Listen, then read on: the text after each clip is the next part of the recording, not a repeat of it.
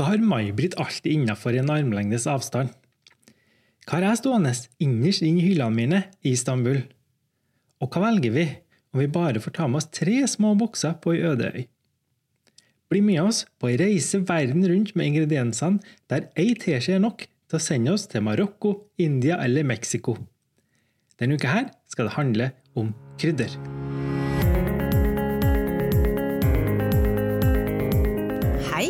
Jeg heter May-Britt, og jeg sitter her på kjøkkenet mitt i Oslo.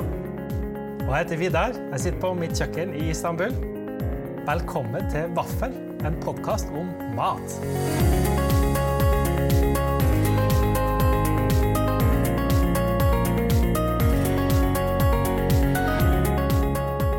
Hei, May-Britt.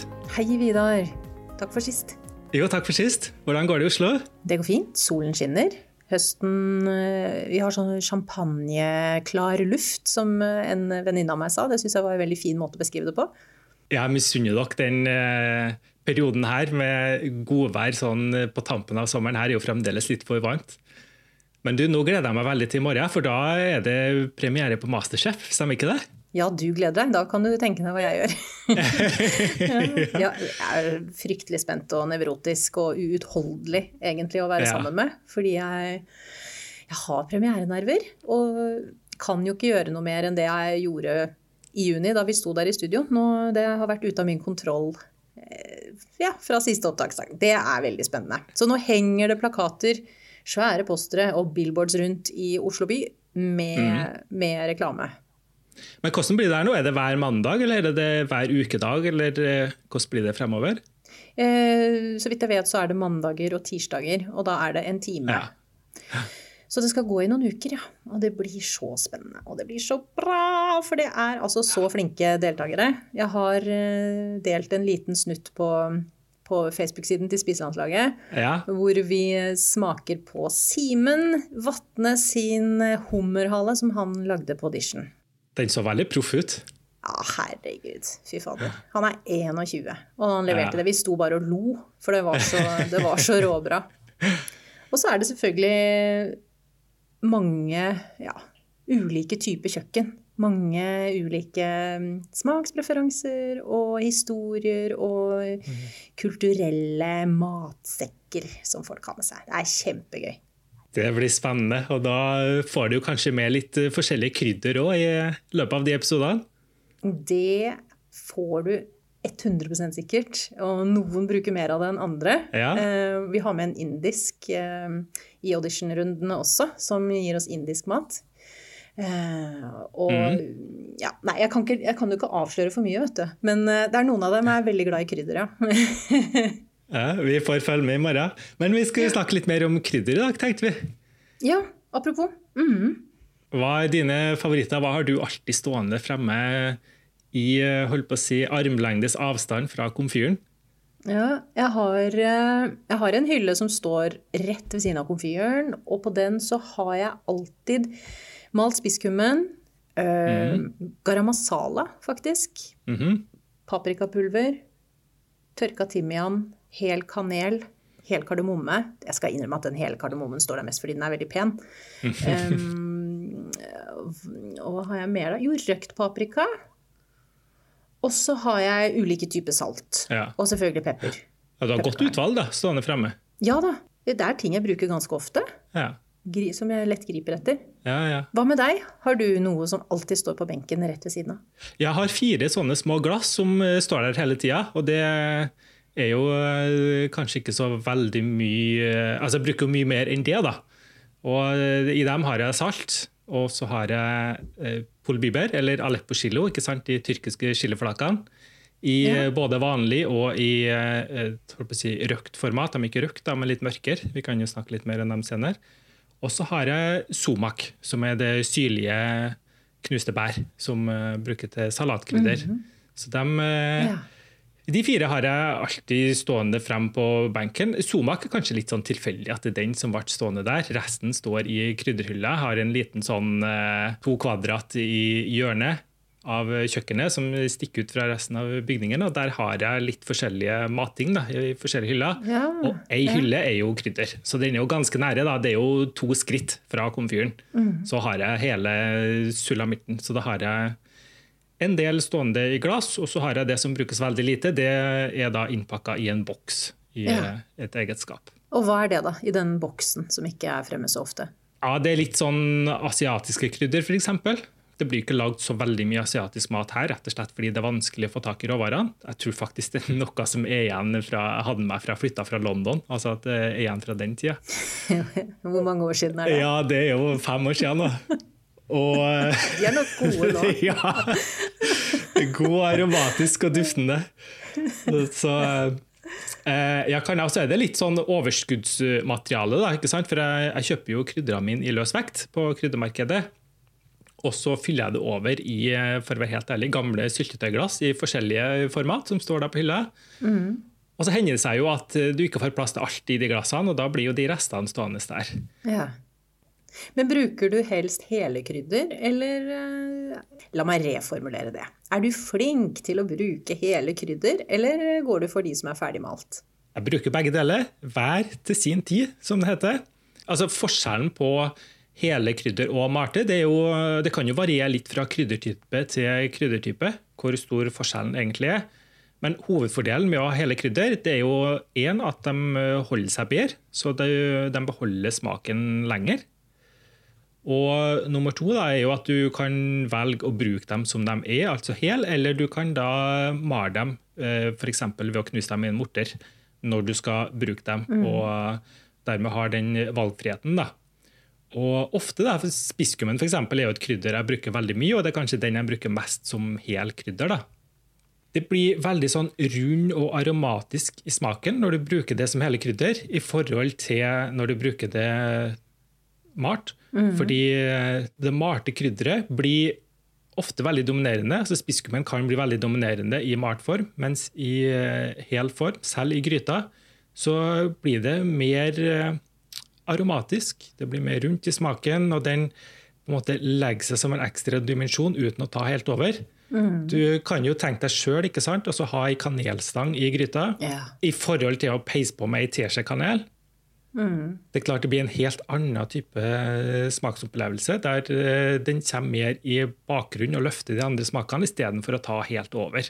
ja, det er enig. Så det er jo eh, veldig fint å bruke de hele krydderne der, da, der du ikke vil at det skal ta helt over, men du likevel vil ha en god smak. I hvert fall de krydderne som er litt varme og søte, og som vi også kjenner igjen i Norge fra bak bakverk og desserter, sånn som Ja, ja. nellik og kanel og kardemomme f.eks., så syns jeg i hvert fall selv eh, at det kan lett bli sånn eh, Når det smaker vettebolle eller risengrynsgrøt av eh, gryteretten din, ja. så, så er det kanskje fordi at det har vært for mye av de malte krydderne da. Nettopp. Men det er jo også noe med at du Kanelstang og hel kardemomme er greit. De er jo lette å, å fiske ut igjen av maten etterpå når du skal spise. Mm. Men stjerneanis syns jeg er en luring, for den går ofte i oppløsning når Ja. du bruker den i eh, en gryte som skal stå og koke i to timer, da, med, med oksekjøtt eller ja.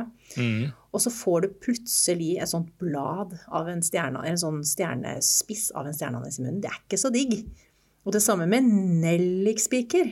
Det går ikke an å levere det i Masterchef. Nei, Da da må det være eh.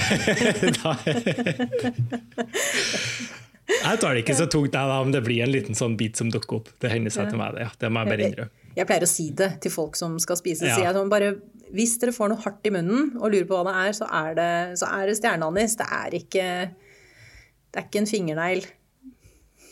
For jeg klipper jo veldig ofte neglene på kjøkkenet, liksom. Æsj.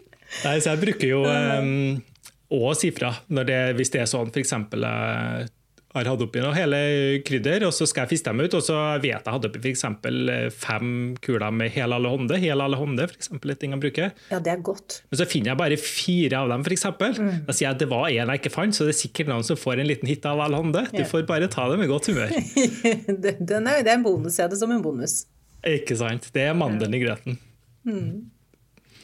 Men du snakka om salt, at du hadde forskjellige typer salt òg. Ja, Bruker du dem til forskjellige ting, og hva slags type forskjellige salter er det du egentlig har? Ja, det er noe jeg, hold, jeg har ikke holdt på med det bestandig. Um, selvfølgelig vanlig bordsalt med jod bruker jeg. Mm. Til å koke ting i. Er det viktig at det er med jod, eller er det Altså, noen Det er jo en smakssak, men en smakssak Nå drikker jo jeg nok mm. melk, og jeg spiser hvit fisk, sånn at jeg får i meg jod ellers. Jeg får i mm. meg nok jod, men eh, sånn helt generelt, på generell basis så får vi jo i oss for lite jod i dette landet. Ja, nettopp. Sånn at Jodifisert salt er jo fint hvis du f.eks. er vegetarianer eller veganer. Um, mm. Da trenger du tilskudd. Så da kan uh, salt med jod være fint. Og i Sverige og Danmark så tilsetter de jo enda mer jod i salt. Oh ja. Så hvis du er på harrytur, så får du mer jod på kjøpet? Ja da, det er en bonus. Mm. Mer mm. jod for penga på Svinesund. Men det er jo noen som sier at det kan bli en litt sånn metallisk smak av det. Ser det noen av de, Men kanskje man må være sånn superkokk for eh, det? Hvem sier det? Jeg lurer på hvem som sier det. Vet du hva? Det mennesket vil jeg gjerne ansette. Ja. Som, det mennesket må jo jobbe med, med vin eller med, i, i, et laboratorium. Hvis de har en så finstemt smaks, et så finstemt smaksapparat. Jeg kan ikke kjenne ikke at det smaker metallisk av det saltet. Men, men. Eh, vi har alle vårt. Eh, våre små greier som, som, Vi må få ha våre særheter. Ja. Noen kan få ha det. Ja. Men jeg syns at vanlig bordsalt er litt sånn undervurdert eh, i matlagning. Man har mye maldonsalt, det er jo det liksom folk bruker nå. Eller flaksalt, som jeg også er veldig glad i. Og som jeg selvfølgelig har stående. Ja, mange bruker jo det til alt. Ja, det trenger man ikke. Hvis man rører det inn i ting, så vil det jo løse seg opp dårligere. Så med mindre du vil ha små saltflak som dukker opp, så er det dumt å bruke mm. malonsalt i dressinger eller i, ja, i, salater eller sånne ting. ikke sant? Med mindre du vil ha det der litt sånn eh, Crunch. Ja, crunch. Eller mm. konsentrerte biter med salt. Men ellers så mm. syns jeg jo at maldon passer best i siste instans, da, mm. bare som et dryss på toppen. Men ellers så bruker jeg, hvis jeg skal steke kylling og fisk og kjøtt, så bruker jeg det der vanlige, fine bordsaltet med jod, jeg, ja, altså. Og så har jeg eh, grovt havsalt som jeg har brukt til eh, altså saltbake poteter og grønnsaker. Og da jo, står du igjen med et kilo stekt salt når du er ferdig. Og det mhm. kaster ikke jeg, da har jeg det over på et stort norgesglass.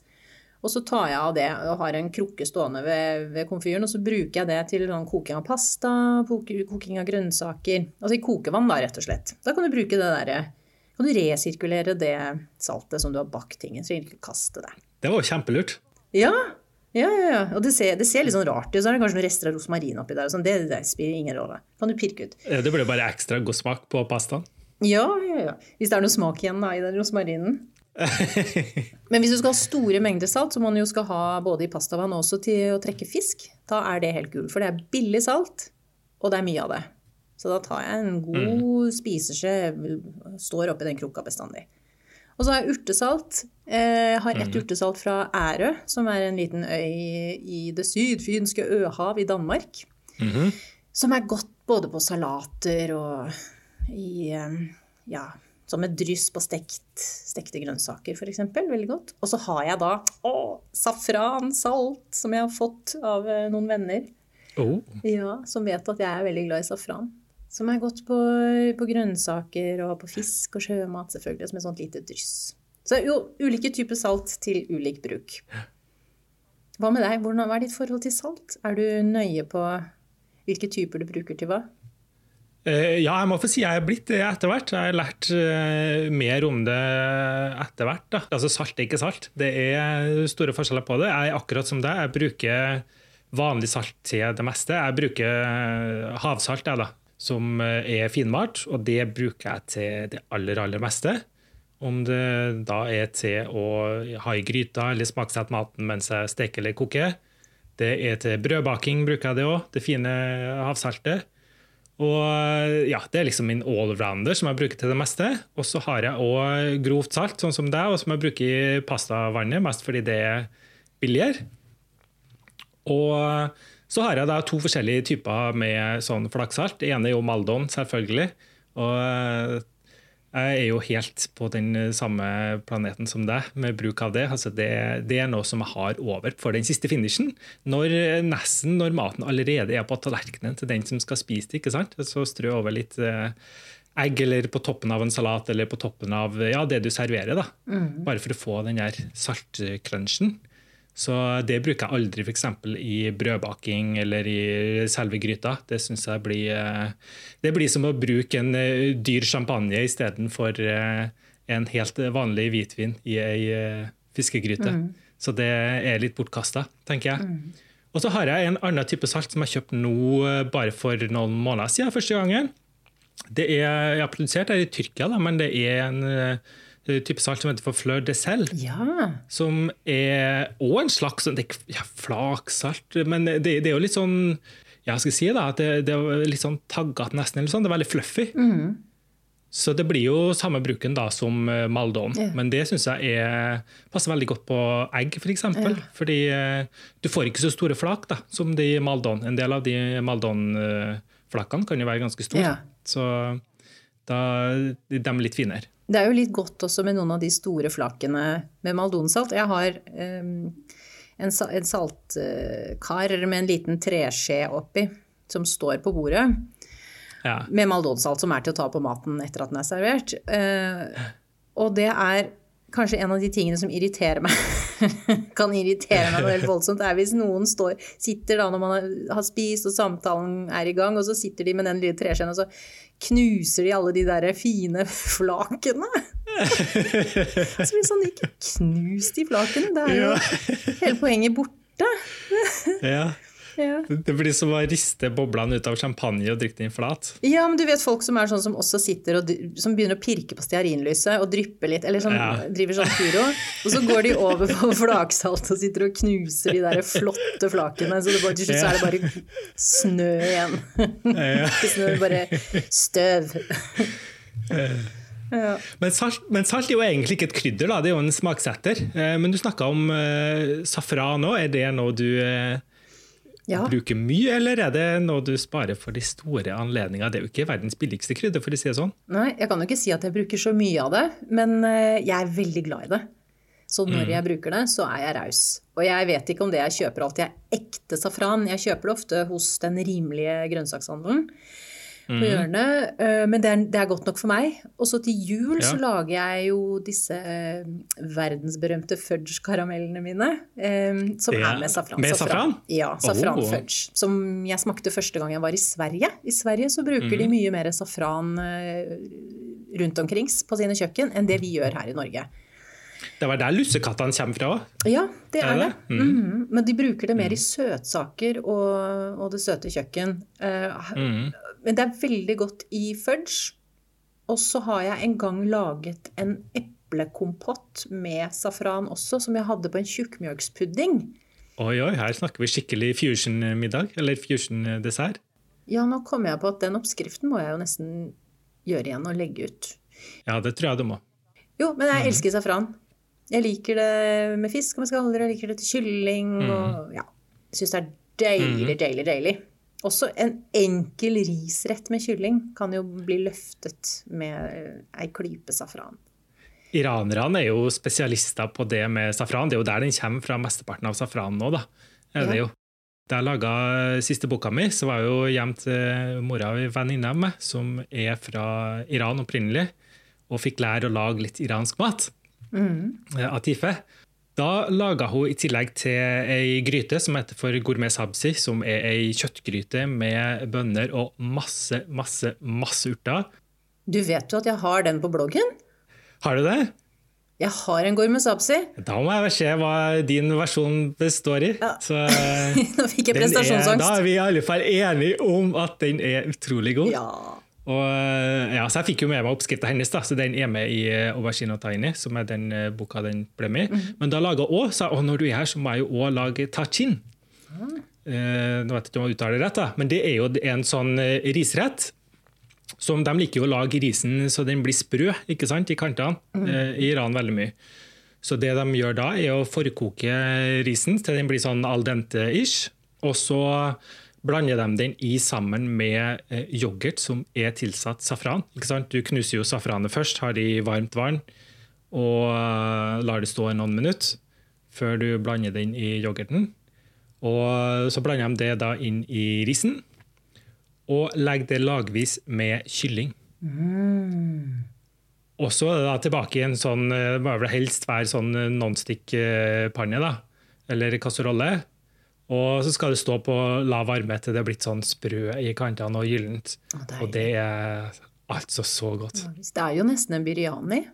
Ja, biryani er vel mer altså, Da er det jo mer som foregår, på en måte. Da er det mer krydder, og det Men det er det, jeg tenker det med ris og kjøtt lagvis, og så skal det stå. Ja. Mm. Det, det er jo litt eh, av samme tankegangen. Det er det. Men her er på en måte mye reinere i smaken. da. Det er safran. Er det da festmat? Eh, vil, det, det vet jeg ikke, faktisk, for å være helt ærlig. Men eh, vi må nesten anta det i og med at det er safran i det. Men det er en rett som veldig mange iranere Ja. som har flytta ut og nå bor i utlandet, da, er veldig, veldig glad i. Og det er liksom en, rett, en av de rettene sammen med gourmet sabzi som eh, gir dem følelsen av å være hjemme, da, selv om de ikke er i hjemlandet. Og Videre, jeg må spørre, har du, jeg får sånn dilla på krydder. Jeg kan ha dilla på krydder i en periode, og så går det over, og så kommer det et nytt. Har, har du det på samme måte? Ja, jeg har det. Du liksom, eh, enten så oppdager du krydder for første gang ordentlig, da, eller eh, du oppdager en ny måte å bruke det på, f.eks. Og da får du helt dilla på å prøve det på eh, forskjellige måter. Så eh, i år har det kanskje vært gurkemeie for min del. Akkurat. Så altså, Snakk om safra- safran. Det er jo mange som tenker på gurkemeie som en slags sånn billig erstatning til safran. Og eh, relegerer den egentlig til en slags sånn eh, safran eh, med farge uten smak.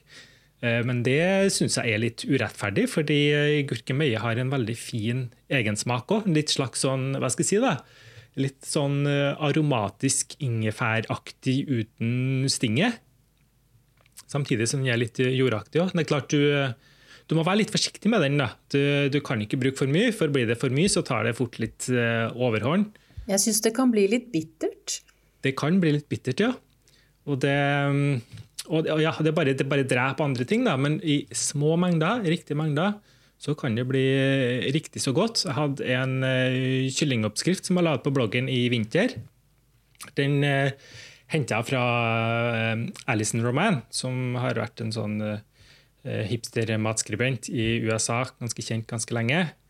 Og hun bruker jo ganske mye gurkemeie. Og eh, der har hun rett og slett bare krydra kyllinglår med gurkemeie og olje. Og steker på den måten og serverer med en eh, slags salsa av oliven og eh, urter. Det høres jo så enkelt ut, og liksom, så kan det gi så mye smak, men det gjør altså så utrolig mye med smaken på den kyllingen. Altså, du, du vil ikke tro det før du prøver det. holdt på å si. Men marinerer du den, eller er det bare krydret før du steker? Ja, nå må jeg nesten sjekke oppskrifta mi sjøl, men jeg tror den står bare en sånn ti minutter kvarter. eller noe sånt. Det er ikke snakk om eh, å marinere flere timer i forveien. Nei, det, det holdt på å si mens du holder på med alt det andre. Ja, det blir sånn, det blir ikke sånn fremtredende. altså Hvis du ikke vet hva som er på den, så det er ikke sikkert at du greier å plukke ut gurkemeie. Iallfall hvis du lukker øynene og ikke ser på fargen. Så, så det begynte kanskje litt med den, da. Og så har jeg prøvd å bruke det på en del eh, andre ting. Jeg laga en eh, utrolig god eh, sånn salatopplegg her for ikke så lenge siden. Der jeg laga tahini-yoghurt. Jeg bruker jo ofte det ikke sant? hvis jeg har noen sånn stekte eller ovnsbakte grønnsaker. Og så bare serverer de på en slags sånn seng av tahini-yoghurt. Altså rett og slett da yoghurt tahini. eh, Litt sitronsaft, kanskje hvitløk og salt og pepper. Ja. Og så tilsatte jeg gurkemeie i den tahini-yoghurten. Oi, oi, oi. Og da ble den jo skikkelig sånn smashing eh, gul. Og ekstra frisk i fargen. Og så toppa jeg det med stekt rosenkål. Ah. Det var kjempegodt. Og masse urter, selvfølgelig. Eh, granateple òg. Det må være fantastisk eh, en, en eksplosjon av farger på tallerkenen. Ja, ja, ja. Både med granateple og gurkemeie og grønn rosenkål. Ja, det er jo en sånn rett du blir bare glad av å se på. Ja. Det er jo eh, det, det er liksom mange måter. Ellers er jo gurkemeie mye brukt i eh, sørasiatisk matlaging. Da. Så det er jo mye inspirasjon å hente derfra. Med, det er jo en viktig ingrediens i currypulver. Og det finnes jo mange kokosnøtt- eller kokosmelkbaserte curryer som bruker ganske mye gurkemeie for smak. smak. Og det, det er òg noe som er veldig fint å henfalle til da, hvis du bare skal ha en sånn enkel kikertgryte eller noe sånt, og bare slenge litt, uh, litt gurkemeie. Litt gurkemeie. Du løfter jo Men fargen. vær forsiktig. Ja, vær forsiktig. Eh, Jeg syns i hvert fall at den Ja. må balanseres godt med andre ting, gjerne litt sødme. Så kokosmelk er selvfølgelig da Mhm. ganske smart, for da får du rundet den av.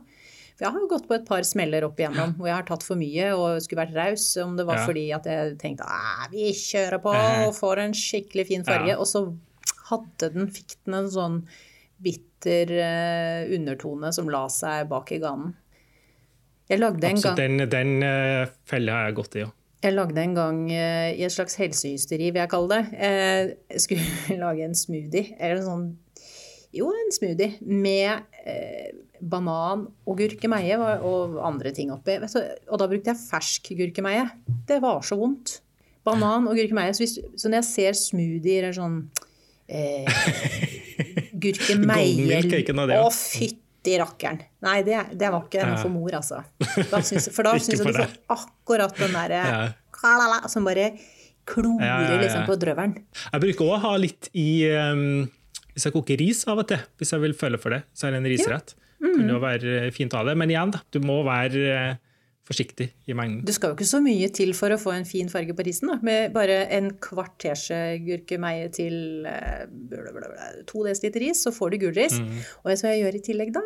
For å få litt sånn rund sødme, da slenger jeg oppi et par kardemommekapsler også. Så får du Ja. den aromaen i tillegg. Da er det jo godt i India, Pakistan, Afghanistan-land.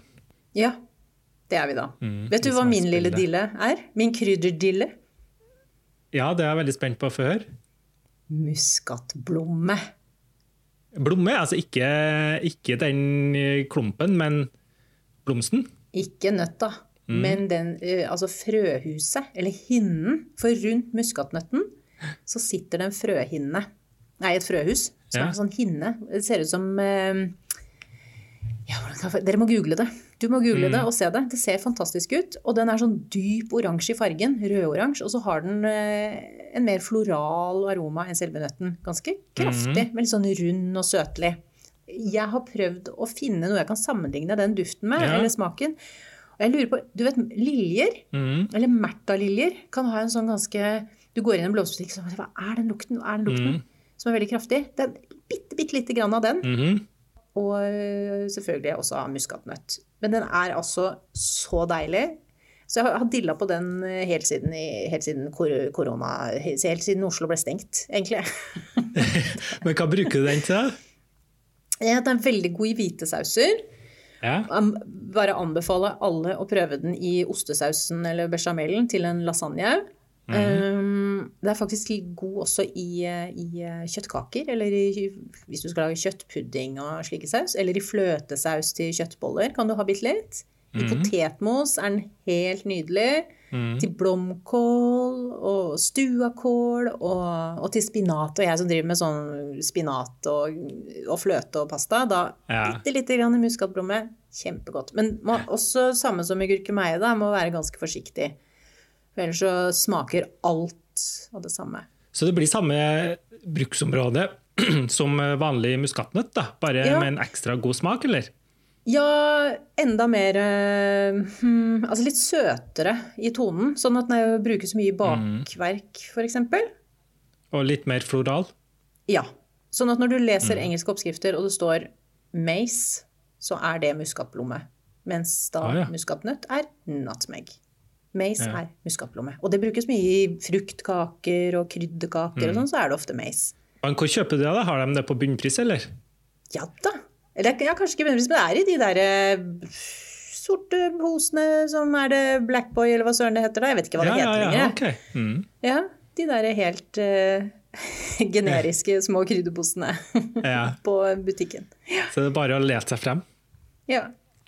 Mhm. Er det ryddig i krydderhyllene dine, Vidar? Er du en som vet hvor alt er til enhver tid? Eh, ja, jeg vet hvor alt er hen, men om det er ryddig for eh, andre, det er jeg ikke så sikker på.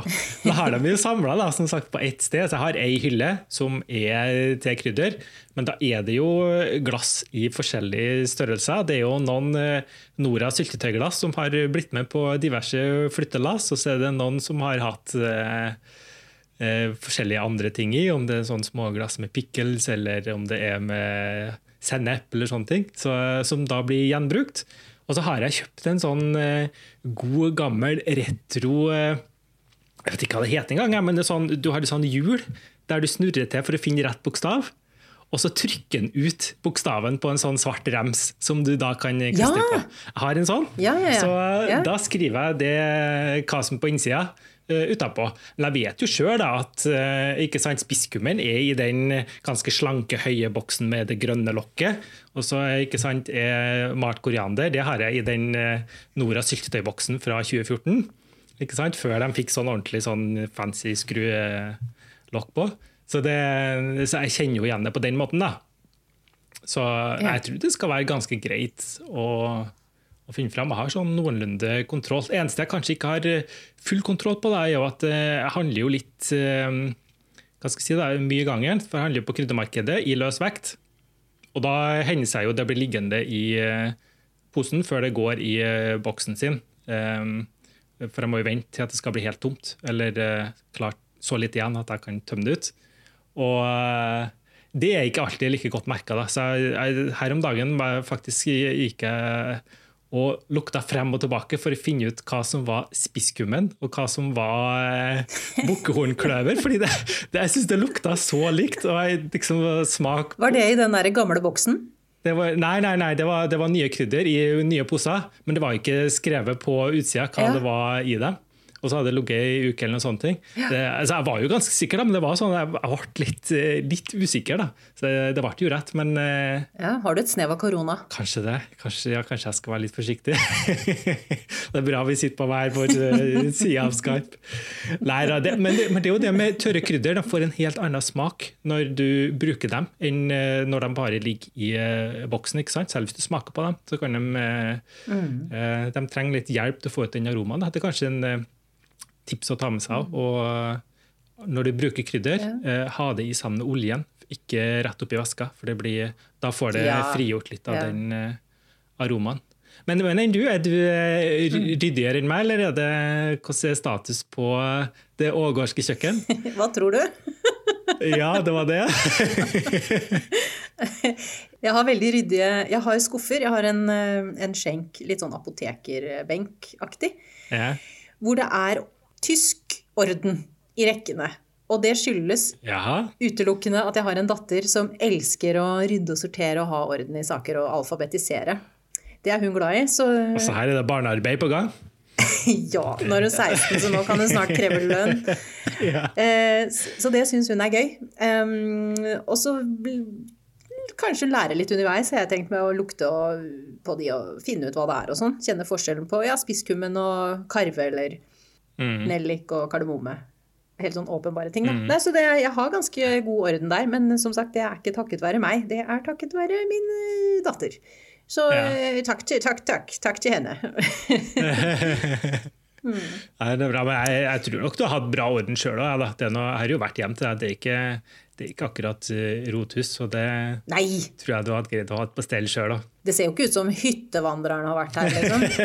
Eh, ja, jeg bor jo ikke i en svinesti, tross alt. Men det er jo som du sier, man vet jo selv hvor ting Ja. er, fordi man bruker det så ofte. Eh, og kjøkkenet mitt er ganske lite, så alt er innenfor rekkevidde. Ja. Og jeg vet akkurat hvor alle ting er. Eh, jeg kan Mm. bare strekke ut en hånd nesten i blinde og ta det. Så da første gangen hun hadde sortert og ryddet i de krydderskuffene, så fant jeg jo egentlig ingenting. og banna og sverta. Men kunne liksom ikke vise den frustrasjonen, da, for det var jo utrolig fint at eh, hun hadde Ja. gjort den jobben. Men du, jeg blir litt nysgjerrig på det kryddermarkedet. Jeg kjøper krydder både i vanlig butikk, eh, sånn supermarked, og så kjøper jeg store poser Mhm. eh, hos det vi kaller tyrkeren på hjørnet. Eh, som ikke er tyrkere, som regel er det kurdiske. Så eh, jeg er jo så redd for å si det nå, da. Får jeg liksom mitt pass påskrevet. Men kan ikke du fortelle litt om eh, kryddermarkedet, hvor du går og kjøper krydder? Hvordan fungerer det? Hvordan ser det ut? Hvordan eh, bestemmer du deg? Smaker du? Lukter du? Det er jo som på bildene. Altså, det er jo masse sånn tårn med krydder ikke sant? som er stilt opp på utstilling. Så, men eh, når du går litt inn i det og blir litt mer kjent med markedet forskjellig, så ser du jo at det er forskjellige krydderbutikker med forskjellige spesialiteter. Så jeg handler f.eks. fra en, den samme kryddersjappa, som eh, jeg da har fått et godt forhold til. De kjenner meg, dem òg. Og de kjennetegnes da, Den type krydderbutikk de er, kjennetegnes ved at det henger sånn tørka chili, tørka aubergine og litt sånne ting eh, ved inngangen. og Det signaliserer da at de kommer i utgangspunktet fra sørøstre Tyrkia, Hatay-regionen ish, eh, altså grenseområdet mot Syria. Der de er mest kjent for å bruke mer krydder, mer chili, mer punch i maten sin. Så eh, da vet jeg at de er gode på den biten, og det er jo den type krydder jeg er mest interessert i. Og så lønner det seg jo òg, da, og det er jo en sånn generell regel egentlig, når det kommer til handlemat, å gå til de plassene som har god omsetning. fordi da vet du at du får ferske varer. Ja. Det er faktisk viktigere eh, nesten det at det er et sted som har eh, høy omsetning, og dermed Eh, sant, må bytte ut og få påfyll med jevne mellomrom, enn at det er noen som har litt eksklusive varer. For hvis den eksklusive varen har stått der i flere måneder, så blir den ikke like eksklusiv lenger. Ja. Så det er jo en ting. Men, men, det, men det, kan være litt overveldende da, for mange tror jeg å handle på kryddermarkedet. For det er ikke sånn at du går rundt og kikker i hyllene og så er det masse forskjellige krydder. Det er én butikk som er sånn. Da. Den, er, den er litt fin hvis du er turist, f.eks. Ja. Men generelt sett så er det jo sånn at det mest brukte er på utstilling som sånn, ikke sant, kryddertårn. Og resten står jo i hyller rundt omkring, og du ser dem ikke engang med mindre du kikker deg rundt. Og de har jo alt mellom himmel og jord. Men eh, det kan hende at det du er på jakt etter, må de frem stigen og klatre opp og finne liksom boks nummer 43 oppi taket oppi hjørnet der. Så mm. har de det der. Ja. Og da snakker du tyrkisk? Ja, men de fleste der snakker nok noen noenlunde engelsk òg. Mm. Så det, men jeg sjekker jo alltid på forhånd da, hva det heter på tyrkisk, hvis jeg ikke er kjent med det fra før. Men uh, det er litt av clouet, å vite hva du egentlig er på jakt etter. Det, det, er litt vanskelig å bare gå rundt og, og, se på de holdt på å si, glasskrukkene som står der ikke sant, tre meter opp. Ja. Det, det, blir litt vanskelig. Ja. Jeg, hadde, jeg, tenker at Hvis man er turist, så er det litt I hvert fall for vestlige turister som er vant til å gå og sulle på egen hånd og ta på ting i et supermarked og ikke måtte mm. kommunisere med en salgsperson.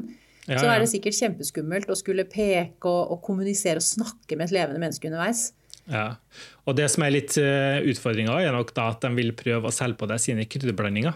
Ja, de ville det, ja. Det er nemlig det hadde jeg vært så redd for! Nei, jeg vil ikke ha det. Fordi, ha det. fordi det de tar, ikke sant, når det er krydderblandinger som de først og fremst har solgt turister De er jo veldig gode, ikke noe med det, altså, men det, men det er jo krydderblandinger som først og fremst er retta mot turister. Ja. Og prisen på det er jo et sted mellom fem og ti ganger eh, i forhold til å kjøpe de samme mm. krydderne uh, ren. Men er du nå innenfor the inner circle of the Spice Trust, så du får lokalpris? Å ja, men det har, jeg, det har, jeg, fått fra starten av, egentlig. De skjønner jo at det er en som kommer og Men, men jeg, tror ikke, jeg tror ikke kryddermarkedet er stedet du først og fremst blir lurt. Det er heller ikke sånn at du pruter så veldig mye. Du kan prute hvis du kjøper veldig mye, da. Det kan du selvfølgelig gjøre. Men det er ikke, mm. i utgangspunktet er det relativt faste priser.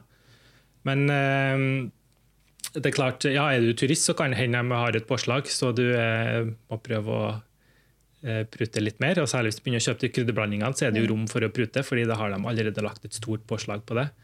Men eh, nei, for min del er det veldig greit. Og det er en ting som er fint òg med kryddermarkedet, ikke sant? de eh, områdene der Altså Den butikken som da har sitt opphav i sørøstlige Tyrkia, er jo at de har så utrolig ferske og fine chiliflak. Jeg bruker veldig mye chiliflak. Ja, jeg fikk jo av deg da du var på Oslo-besøk. De var helt nydelige. Ja, ja, ja.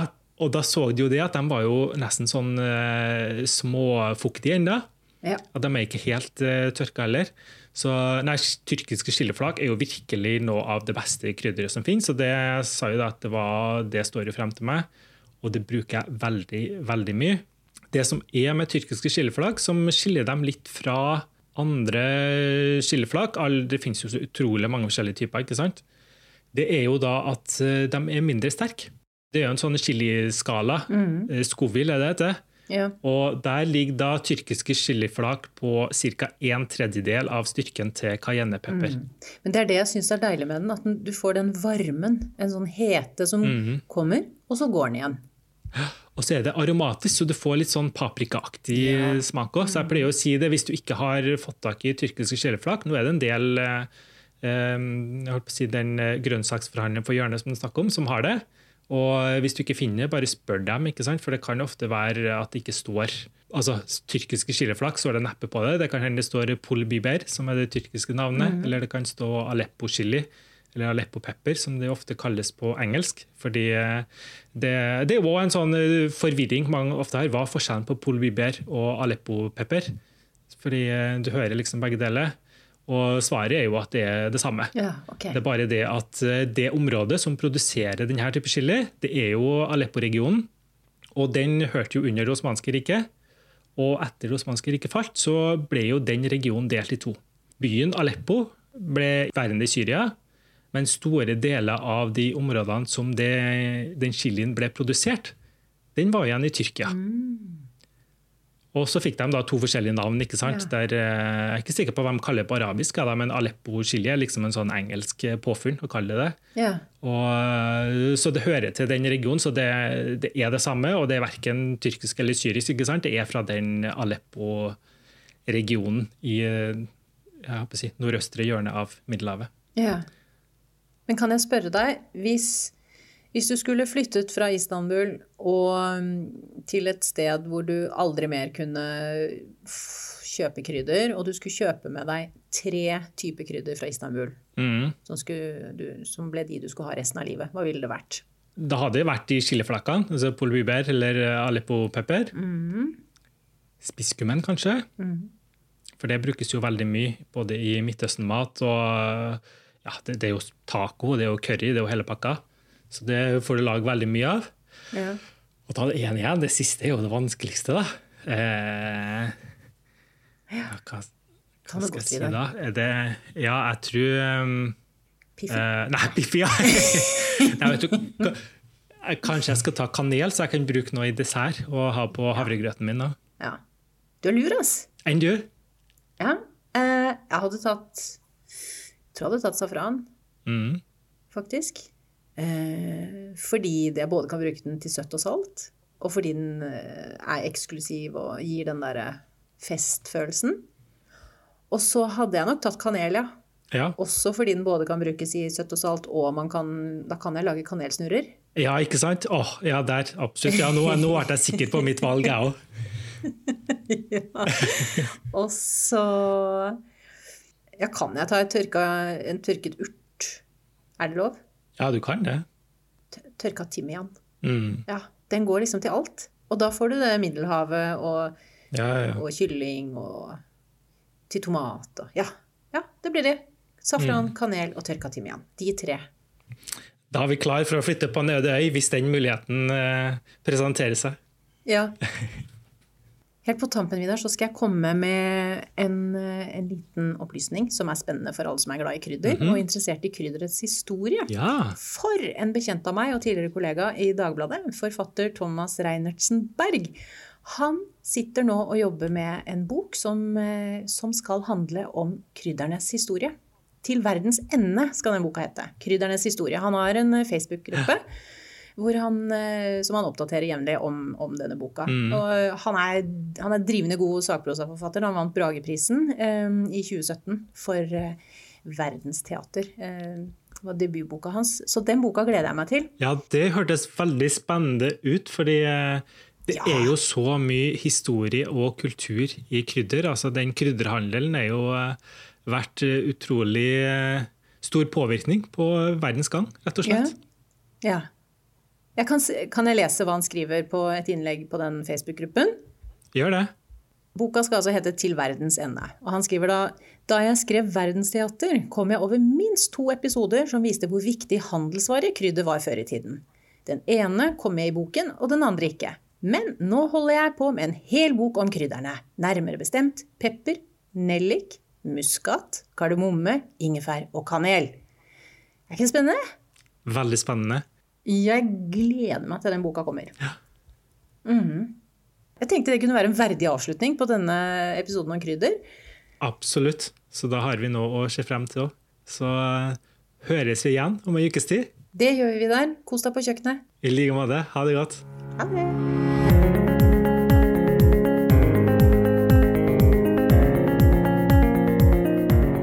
Fikk du lyst til å prøve noen oppskrifter med de krydderne vi snakket om i denne episoden? Da finner du lenke på Vaffel sin nye nettside, hvor du også kan registrere deg sånn at du mottar nyhetsbrev fra oss. Gå inn på vaffel.substack.com, men du finner også denne adressen veldig enkelt på Facebook-siden til Vaffel og i beskrivelsen av denne episoden der du lytter til podkasten vår. I neste episode graver vi dypt i høstmørket og ender opp ved roten til mye godt. Smakfulle og næringsrike rotvekster hører høsten til, og snart bugner det i butikkhyllene av persillerot, sellerirot, rødbeter, pastinakk og jordskokk og andre godsaker. I hvert fall her i Norge. For hvordan står det til med rotgrønnsakene i Istanbul? Er de like selvsagte der som her når høsten kommer? Lytt til Vaffel neste uke. Da deler vi raust med tips, inspirasjon og oppskrifter hvor rotfruktene står i sentrum og skinner.